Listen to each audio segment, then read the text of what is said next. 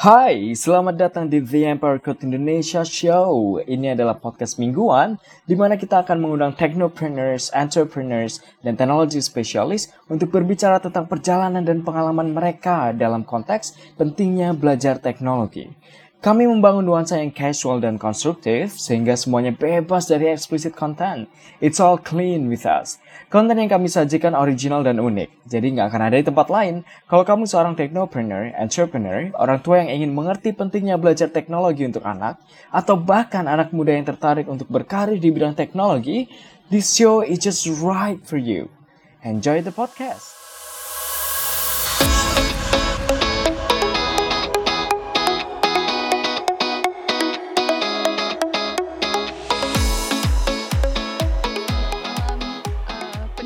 Kita uh, di Empire Code Indonesia Show Podcast. Hari ini kita bersama guest uh, speaker kita. Beliau adalah Bapak Muha- Muhammad Ilham Rizky Karyanto, seorang tech lead di M-Trade. Teman-teman mungkin familiar sama aplikasi ini, udah pada download, udah pada pakai. Ya, dia adalah sebuah aplikasi yang memberikan edukasi, uh, mungkin referensi, dan juga mungkin bisa konsultasi seputar saham dan mungkin buat teman-teman yang uh, ingin jadi investor. Seperti biasa bersama saya Diana dan juga co-host lainnya Kak Tri.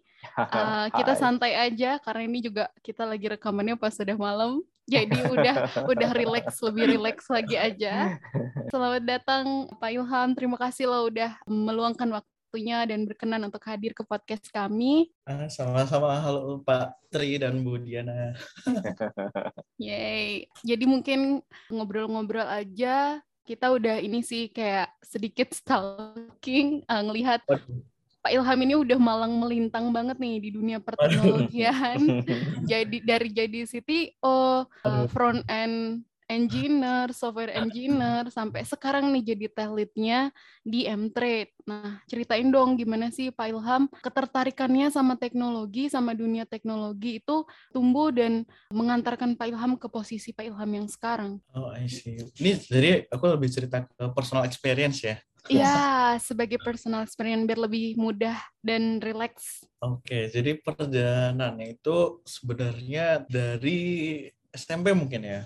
Nah, jadi waktu dulu zaman SMP itu kalau teman-teman mungkin ada yang pernah main GTA, zaman itu tuh ada namanya eh, GTA Online. Jadi orang tuh bisa buat server online di mana mereka bisa main bareng di situ. Namanya San Andreas Multiplayer. Nah, kebetulan dulu aku tuh nemunya dari situ. Wah, ini kok server ada banyak ya, kok seru-seru gitu. Gimana kalau aku kepikiran coba buat server sendiri kali ya sama teman-teman yang satu visi gitu. Terus mulailah eh, kulik-kulik gimana cara buat server di game itu. Oh, ternyata code ya, harus coding. Nah, tapi karena temanya game dan emang suka main game, terus habis itu untuk harus coding untuk membuat server rame-ramean, ya belajarnya jadi fun gitu. Karena udah ada motivasi buat nantinya bakal dipakai buat rame-rame buat seneng-seneng. Iya. Nah, jadi dulu bahasa pertama tuh apa ya? sih kalau nggak salah tuh sama Pound. Jadi kalau yang pernah coding SMP pasti tahu sih itu. Nah, dari situ terus ternyata SMP lama-lama fun codingnya, terus lambat-lambat ternyata makin ke sini kok server situ butuh website. Ya asik nih kalau misalnya punya website juga bisa show off lah, pasang muka Hmm. sendiri gitu. Buat asik-asik Iya, zaman-zaman iya, iya. kayak gitu. Nah, kayak gitu terus habis itu belajar HTML. Awalnya sih kopas-kopas punya orang dulu. Iseng-iseng lah, comot-comot punya orang. Terus habis itu iseng masukin gambar lucu-lucu, buat blog lucu-lucu gitu-gitu. Nah, habis dari situ ternyata dipikir-pikir kalau misalnya ini diuangin kayak bisa gitu loh. Karena waktu itu kebetulan ada udah ada jasa-jasa kayak gitu, jasa web, jasa gitu kan sih terus mulai iseng untuk apply di salah satu perusahaan buat jadi web dev-nya, web developer-nya. Mana tahu keterima kan. Oh, ternyata keterima. Walaupun konsekuensinya sih waktu itu salary ya apa adanya lah. Yang penting dapat uang dulu lah. Iya, Iya, iya.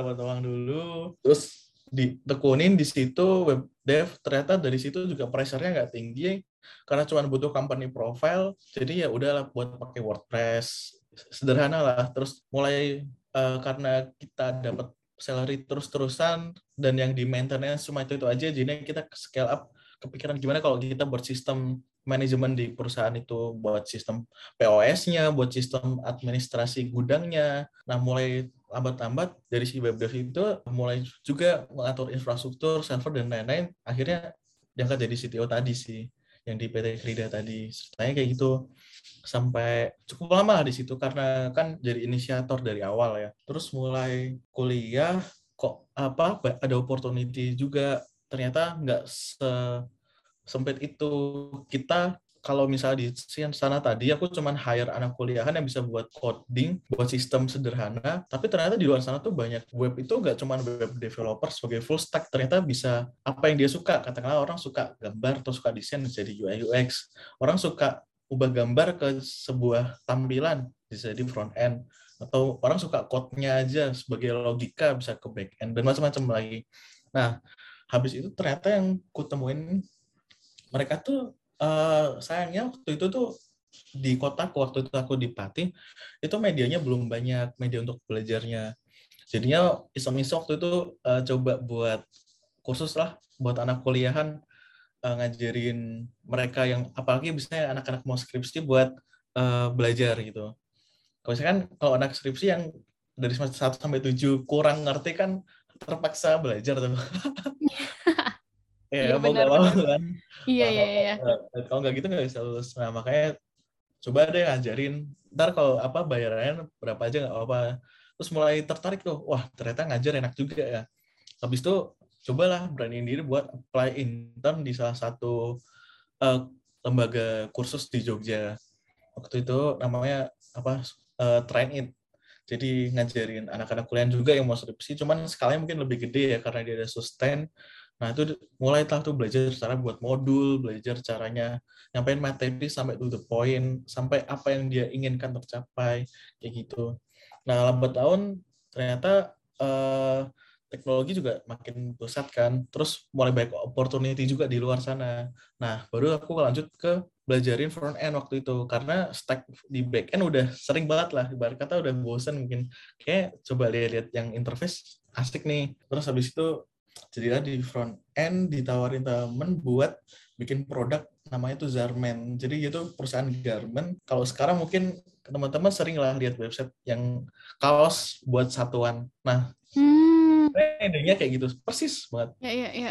Cuman dia skalanya global. Di situ ya cukup lumayan lama lah lima bulanan karena sebenarnya produknya sampai jadi udah nah, habis itu coba supply uh, website sendiri kupikir kalau misalnya uh, di Jogja waktu itu supply mahasiswanya banyak, cuman belum banyak yang tahu cara buat website. Nah daripada aku ngajarin orang buat website, tapi beli domain hostingnya ke orang lain, nah aku jual domain hosting sendiri aja. Jadi aku jual sendiri ke mereka. Jadi aku ngajarinnya free, tapi mereka beli domain hostingnya ke aku. Ini itu. Terus lanjut lagi buat startup. Banyak sih buat startupnya. Mungkin ada iMart, ada kios rakyat, ada beberapa yang nggak usah di LinkedIn juga, ada Facebook. Terus akhirnya sampai menemukan satu passion ternyata uh, di core engineer tuh lebih seru daripada apa yang udah dilalui lah. Jadi lebih sering ke code engineeringnya karena macem-macem dan udah banyak ngelakuin beberapa produk akhirnya nemuin waktu pandemi itu nemuin Mtrade ini wah ini Mtrade waktu itu sebenarnya belum ada produknya cuman aku udah ngefans dulu nih sama beliau yang punya nih si Ibu Elme ini bisa ngajarin saham bisa segede ini terus aku juga koleksi bukunya. Waktu pandemi kan saham juga lagi naik-naik banget kan hype-nya.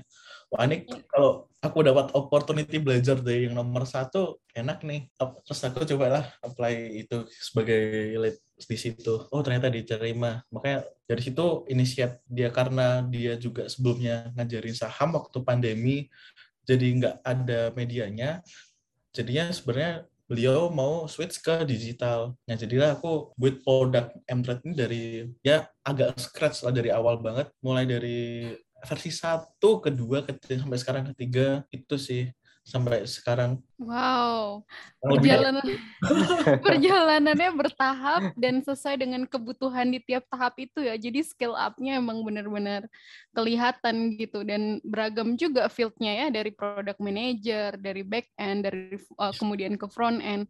Nah, uh, nyambung lagi nih mumpung ceritanya masih di sana.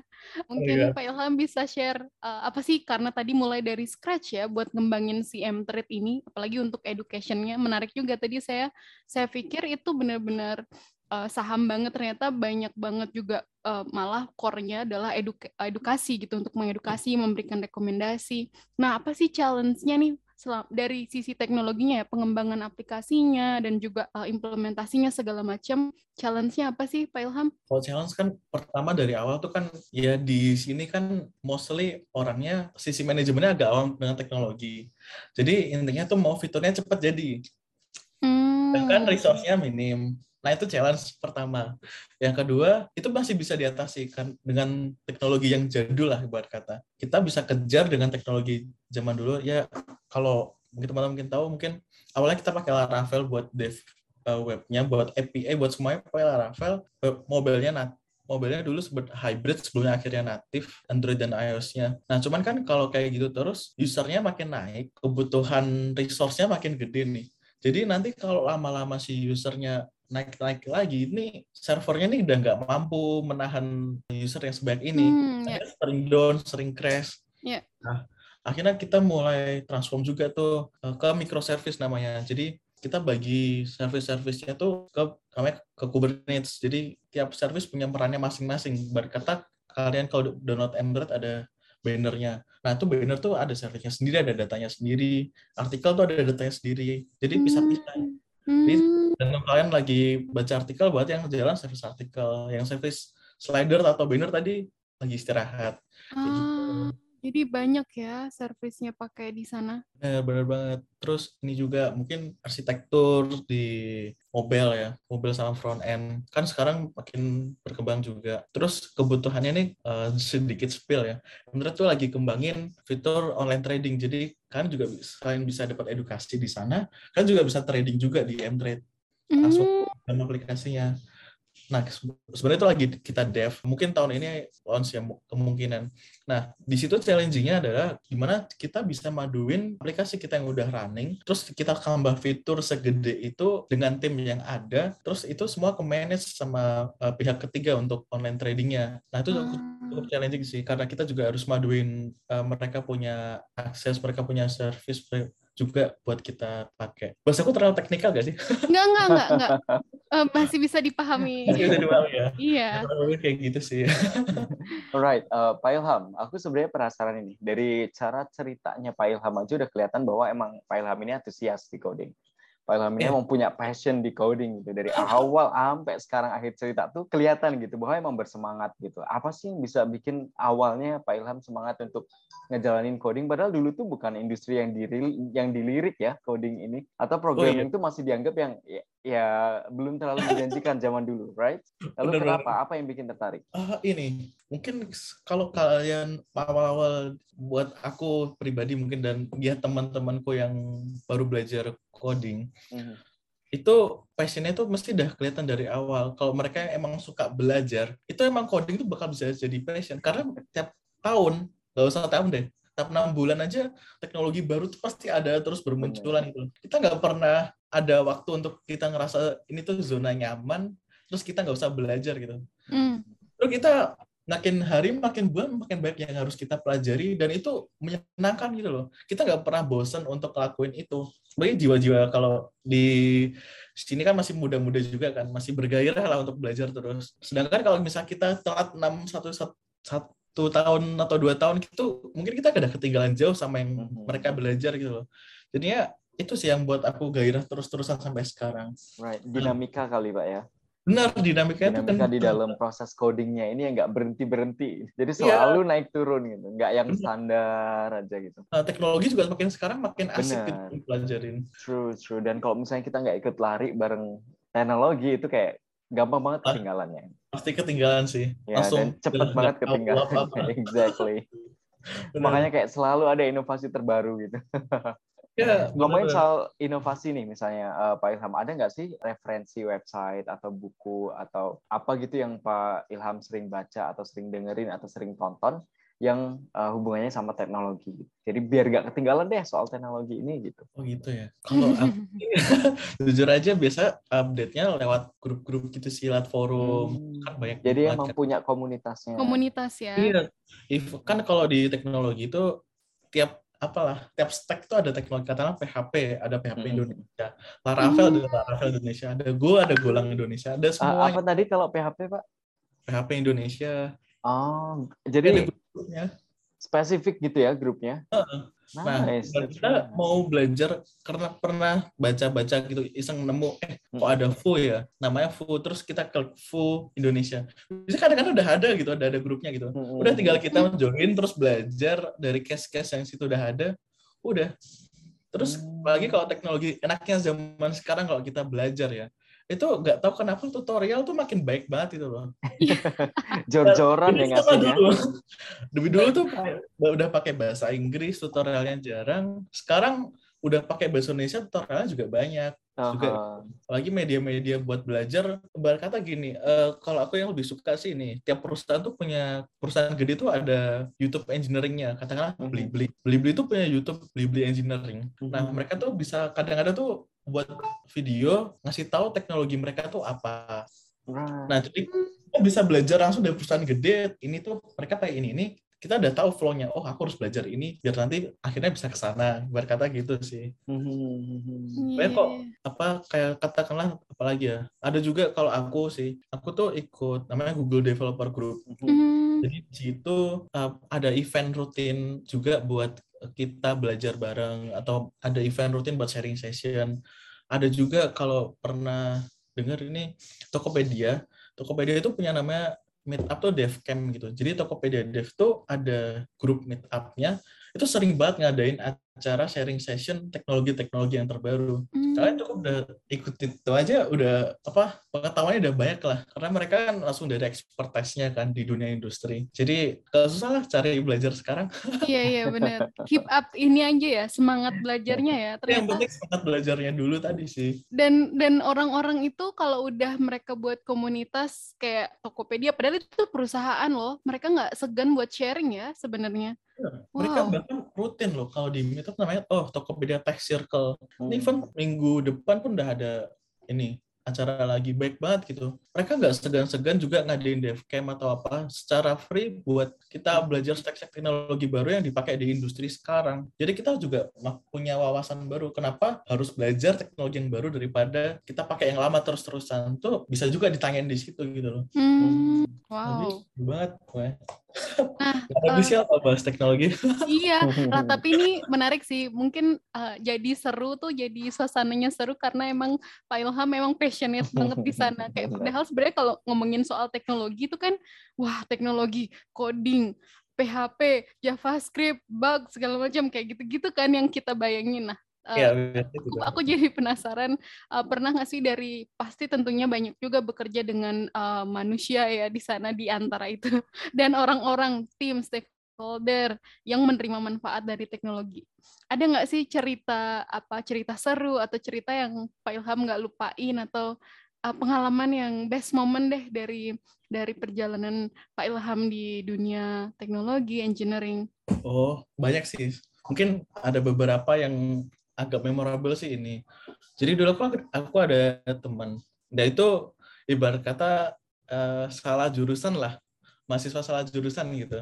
Masuk ke IT. Terus semester-semester awal tuh dia ngerasa feeling stupid gitu. Ah, aku belajar ini kok nggak bisa, belajar coding ini nggak bisa. Cuman eh, lambat, mungkin karena circle yang bagus juga didukung ya. Itu dia akhirnya ku, ku bantu juga, eh kamu belajar ini dulu. Kalau misalnya susah, kalau ini keterusan mungkin belajar ini. Jadinya dia coba tetap coba gitu, walaupun dia udah merasa frustasi, aku merasa bodoh. Terus dia coba-coba terus, akhirnya sampai terus ketagihan gitu loh.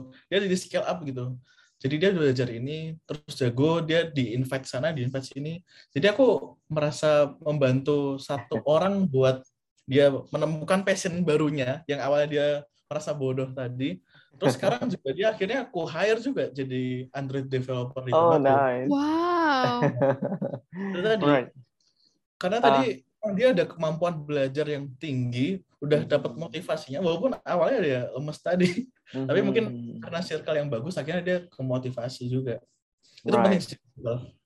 Uh, kalau aku malah penasaran sebenarnya Pak Ilham dengan uh, bagian yang jelek-jeleknya ketika Pak Ilham coding nih. Dari awal sampai sekarang ada nggak sih momen jeleknya, atau momen stresnya, atau momen keselnya, momen bete-nya, momen mau keluarnya jadi programming gitu misalnya, dari programmer misalnya. Gitu. Ada nggak? Atau selamanya mulus? Kan kayaknya enggak deh. Nggak mungkin sih. ada, ada. Pas kapan momen gitu ya? Eh, belum lama kayak, dua, tiga tahun lalu. Right, what happened? Jadi waktu itu tuh eh, kebetulan eh, aku ambil ambil quote ambil freelance lah berkata ambil Mhm. freelance waktu iseng-iseng sambil belajar kan. Kalau aku sambil belajar tuh mending implement di freelance dulu. Kalau freelance jalan, Right. implement di production aku sekarang. Nah, waktu itu aku tuh udah belajarin beberapa step tuh udah bener banget lah. Aku Mhm. cari tutorial di YouTube udah bener. Tapi waktu diimplementasi kok nggak jalan gitu loh. Salah gitu. Terus aku Beda gitu. Heeh, cari tutorial masih minim waktu itu. Terus si beliau ini eh, nyuruh besok pokoknya jadi gak mau Oh, tahu. deadline. Ah, Aku ngerasa "Wah, aku udah kasih yang terbaik, yang teknologi terbaru, kok dia ngasih deadline sambil marah-marah gara-gara itu. Padahal awalnya dia juga yang kutawarin, Pak ini kalau misalnya lama nggak apa-apa ya karena saya cuma coba teknologi baru. Oh ya mas nggak apa-apa bagus kalau kayak gitu. Lah kok kenyataannya seminggu belum rilis dia marah-marah tadi. Terus aku ngerasa frustasi aja di tutorial nggak ada di mana-mana nggak ada. Waktu itu juga hari-hari terakhir tuh mungkin teman pro gamer tahu Stack Overflow atau gitu. Serverflow tuh lagi down gitu. Kan biasa kita cari tutorial atau nyari-nyari error kan di situ kan. Waduh, ini aku nyari error di mana nih. ya itu sih mungkin terus akhirnya pengen sempet coba keluar dari engineering. Tapi Right. itu kebetulan enaknya eh, ada ini ada, Ada peluang. ASEAN Foundation. Nah, itu bagus tuh. Mungkin ini collab sama Empire Code juga ya waktu itu. Nah, itu ngajarin anak-anak gitu buat belajar coding.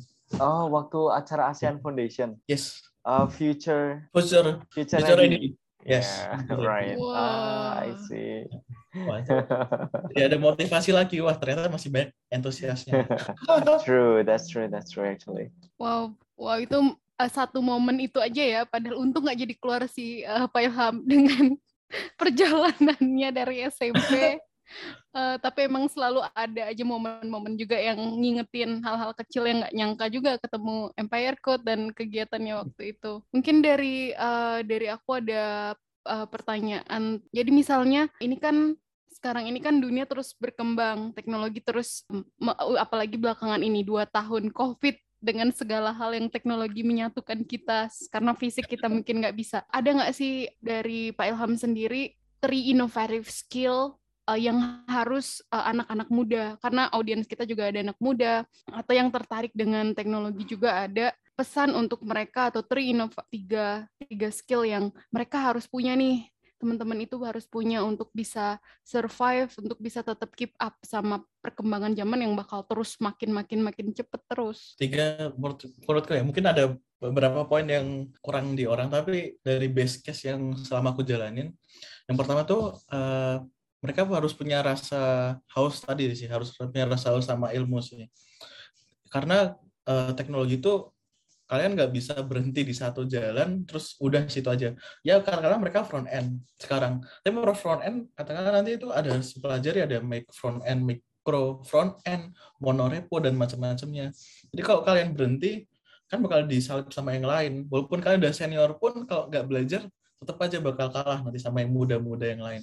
Terus yang kedua mungkin ini uh, circle. Circle itu menurutku penting banget karena itu yang memacu kalian buat belajar. Kalau circle kalian sama-sama orang yang tadi kurang ilmu juga tadi wah itu uh, rasa pengen belajarnya kurang. Makanya uh, mending kalian coba cari uh, kan sekarang juga banyak media-media atau komunitas-komunitas dari perusahaan top-top lah di Indonesia yang ngadain event-event. Nah biasanya mereka tuh kalian kontak aja merekanya uh, join circle-nya ada gak grupnya? Nah biasanya kalau kalian udah join join situ kan tiap hari mesti nggak mungkin sepi sih yakin aku. Hmm. jadi kalian bisa sambil ngobrol tanya-tanya langsung. Jadi nambah circle nambah network juga. Sekaligus itu juga nambah kalian opportunity buat karir yang lebih baik lagi. Mana tahu Hmm. di sama ya macam Tokopedia dan lain-lain kan eh, kita nggak pernah tahu gitu Iya, terus iya. yang terakhir yang terakhir mungkin tadi house ilmu circle apa lagi ya yang ketiga sering baca udah tadi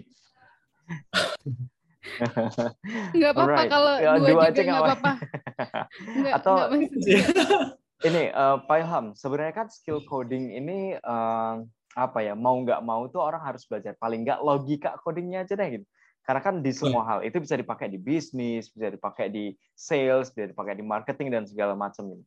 Menurut Pak Ilham, eh, anak-anak perlu nggak sih belajar coding di sekolahnya? perlu justru justru Hmm. kalau anak-anak itu menurutku ya sekarang kan kalau nggak salah ya apalagi eh, media itu juga makin banyak itu tuh ada game-game sederhana yang ngajarin anak-anak tuh buat coding as simple drag drop gitu loh Right, Kalau- Tinker, Scratch, Ah, Coding, ya, bener banget. Minecraft. ya kayak gitu nah itu kan secara nggak langsung tuh juga eh, ngolah si otak si anak ini buat mikir logika walaupun itu masih sederhana Bener. tapi disusun dengan fun gitu loh. Mereka Mhm. kalau solve itu bakal seneng gitu. Jadi menurutku penting banget sih logika dari awal karena nanti walaupun kalian Indian mungkin nggak coding ya atau nggak berkarir sebagai programmer pun itu bakal dipakai di bisnis di lain Sure. karena itu masalahnya eh, how kita bisa solve something even kita waktu kita nyusun-nyusun tadi code simple-simple drag and drop kita bakal nemuin satu kasus di mana kita bakal burn out kita bakal Mhm. frustasi Hmm. kok nggak bisa ya Bener. kalau dari Harusnya kan awal- A gitu, tapi kok Ya, nggak A banget. gitu. Apa sih yang salah gitu? Kalau dari awal kita dari dini udah belajar buat mengontrol emosi, tetap tenang, terus gimana caranya dikasih tahu pelan-pelan sampai akhirnya solve. Itu masa-masa yang lebih gede itu bakal udah tahu patternnya gimana loh. Hmm. Kita implementasi aja logika Iya, iya, logika tadi. Kayak gitu sih. Right. Nice, thank you, Pak Ilham. Menarik. Dan dan mungkin karena jadi Pak Ilham eh, Kak Tri ini juga teacher di Empire Code, jadi pasti tadi eh, Kak Tri sambil mengingat student-studentnya yang marah-marah Exactly. karena saya sempat melihat beberapa cuplikan video. Jadi kalau student ada yang nggak bisa tuh suka kayak mereka kesel kan? tapi kayak gimana sih ini Mister kayak gitu. Jadi pasti Mister Tri jadi kayak bener. recalling. dan kita teachers kadang nggak selalu ngasih solusi kan. Jadi kayak uh, we're trying to facilitate. Kita bilang ke siswanya, kira-kira apa yang salah gitu. Karena kan tadi udah A, udah B, udah C, udah D gitu. Harusnya E dong ujungnya. Apa sih yang salah dari A, B, C, D ini gitu. Jadi siswanya akan mikir lagi. So yeah, it's like a problem solving skill actually. We're trying to build up that. Gitu. Sama algoritma yang penting ya, Pak Ilham. Benar, benar, benar. Karena mereka juga bakal mikir kan, eh, mereka bakal apa ya, ngembangin cara berpikirnya untuk solve something. Mereka udah nemuin logika A, terus ketemu logika B. Algoritma untuk solve satu hal yang baru gitu. Itu fun banget tuh kalau bisa dibungkus dengan rapi sebenarnya. Anak-anak Iya. apalagi. Wah, menarik. Dan mungkin aku ada satu lagi nih jadi kepikiran pertanyaan uh, terakhir uh, buat uh, Pak Ilham mungkin ada dari uh, M-Trade atau ada event atau ada program atau apa pun yang uh, Pak Ilham mau share ke pendengar kita karena menarik juga nih pelajarin soal uh, investasi, soal saham dan sebagainya mungkin bisa di-share. Tadi udah di-spill sedikit, tapi mungkin kalau ada lebih banyak di-spill juga bisa. Boleh dipromot. Oh, sebenarnya kalau misalnya kalian mau internet, aku kalau mungkin ada ketertarikan dengan saham, investasi atau at least nggak usah itu deh, eh, ngatur keuangan aja deh yang paling basic. Saya kalian bisa download M-Trade. Itu kalau kalian download aplikasinya, itu ada kalian juga bisa langsung akses beberapa artikel yang kita buat secara free buat kalian untuk kalian pelajari basic-basicnya dulu. Kayak gitu-gitu sih. Sebelum kalian akhirnya nanti mungkin memutuskan in advance konsultasi saham dan lain-lain yang mungkin itu paid feature, tapi kalian bisa mulai dari free kayak tadi sih, belajar artikelnya atau mungkin Ember tuh sering banget tiap minggu ngadain eh, seminar atau mungkin sebulan dua kali lah minimal. Itu seminar buat kalian belajar marketnya hari ini gimana, cara investasi buat pemula gimana. Itu ada beberapa event gratis kayak Investart buat pemula gimana cara belajar saham kayak gitu-gitu. Eh Ah. anyway kita juga lagi hiring mungkin ada yang tertarik. Oh, oke, boleh, boleh, boleh. Eh, tulisannya EMT besar RADE. ya besar kecil sama aja is oke. Oh, M trade E M T R A D E gitu ya guys. ID slash karir. Kalau mau yang eh, apply kerja di sana langsung. Yes, langsung apply aja. Tinggal kirim Atau nanti linknya kasih ke kita aja Pak Ilham. Nanti kita bisa Iya. taruh di deskripsi. Oh boleh boleh. Right? Ya. Karena kita emang lagi scale up sih untuk Hmm. fitur-fitur besar juga ke depannya. True. Sip, terima kasih Pak Ilham. Alright, thank you so much, and it's really inspiring actually. Terima kasih Jadi, banyak kesempatan juga. Iya, kayak abis ini aku kepikiran bahwa yang kuajarin ke si anak-anak ini ternyata emang it's gonna be useful for them. Oh, Kalau absolutely. toh misalnya nggak di programming, mereka nanti mereka yakin bisa bermanfaat di banyak uh, different fields, right? Termasuk aku juga pernah belajar bis, apa tuh pernah mendalami bisnis. Karena aku juga pernah jadi chief marketing di suatu company. Itu pun juga pasti ada logika yang harus di solve. Termasuk ngitung uang pun juga ada logikanya kan. Kalau kalian pakai rumus ada Excel-nya juga ada rumus. Iya, benar. Alright, thank you so much for the conversation, Pak Ilham. And I think that's all for today. Uh, buat para pendengar, ini akhir dari podcast kita hari ini. Alright, see you later everyone. Bye-bye.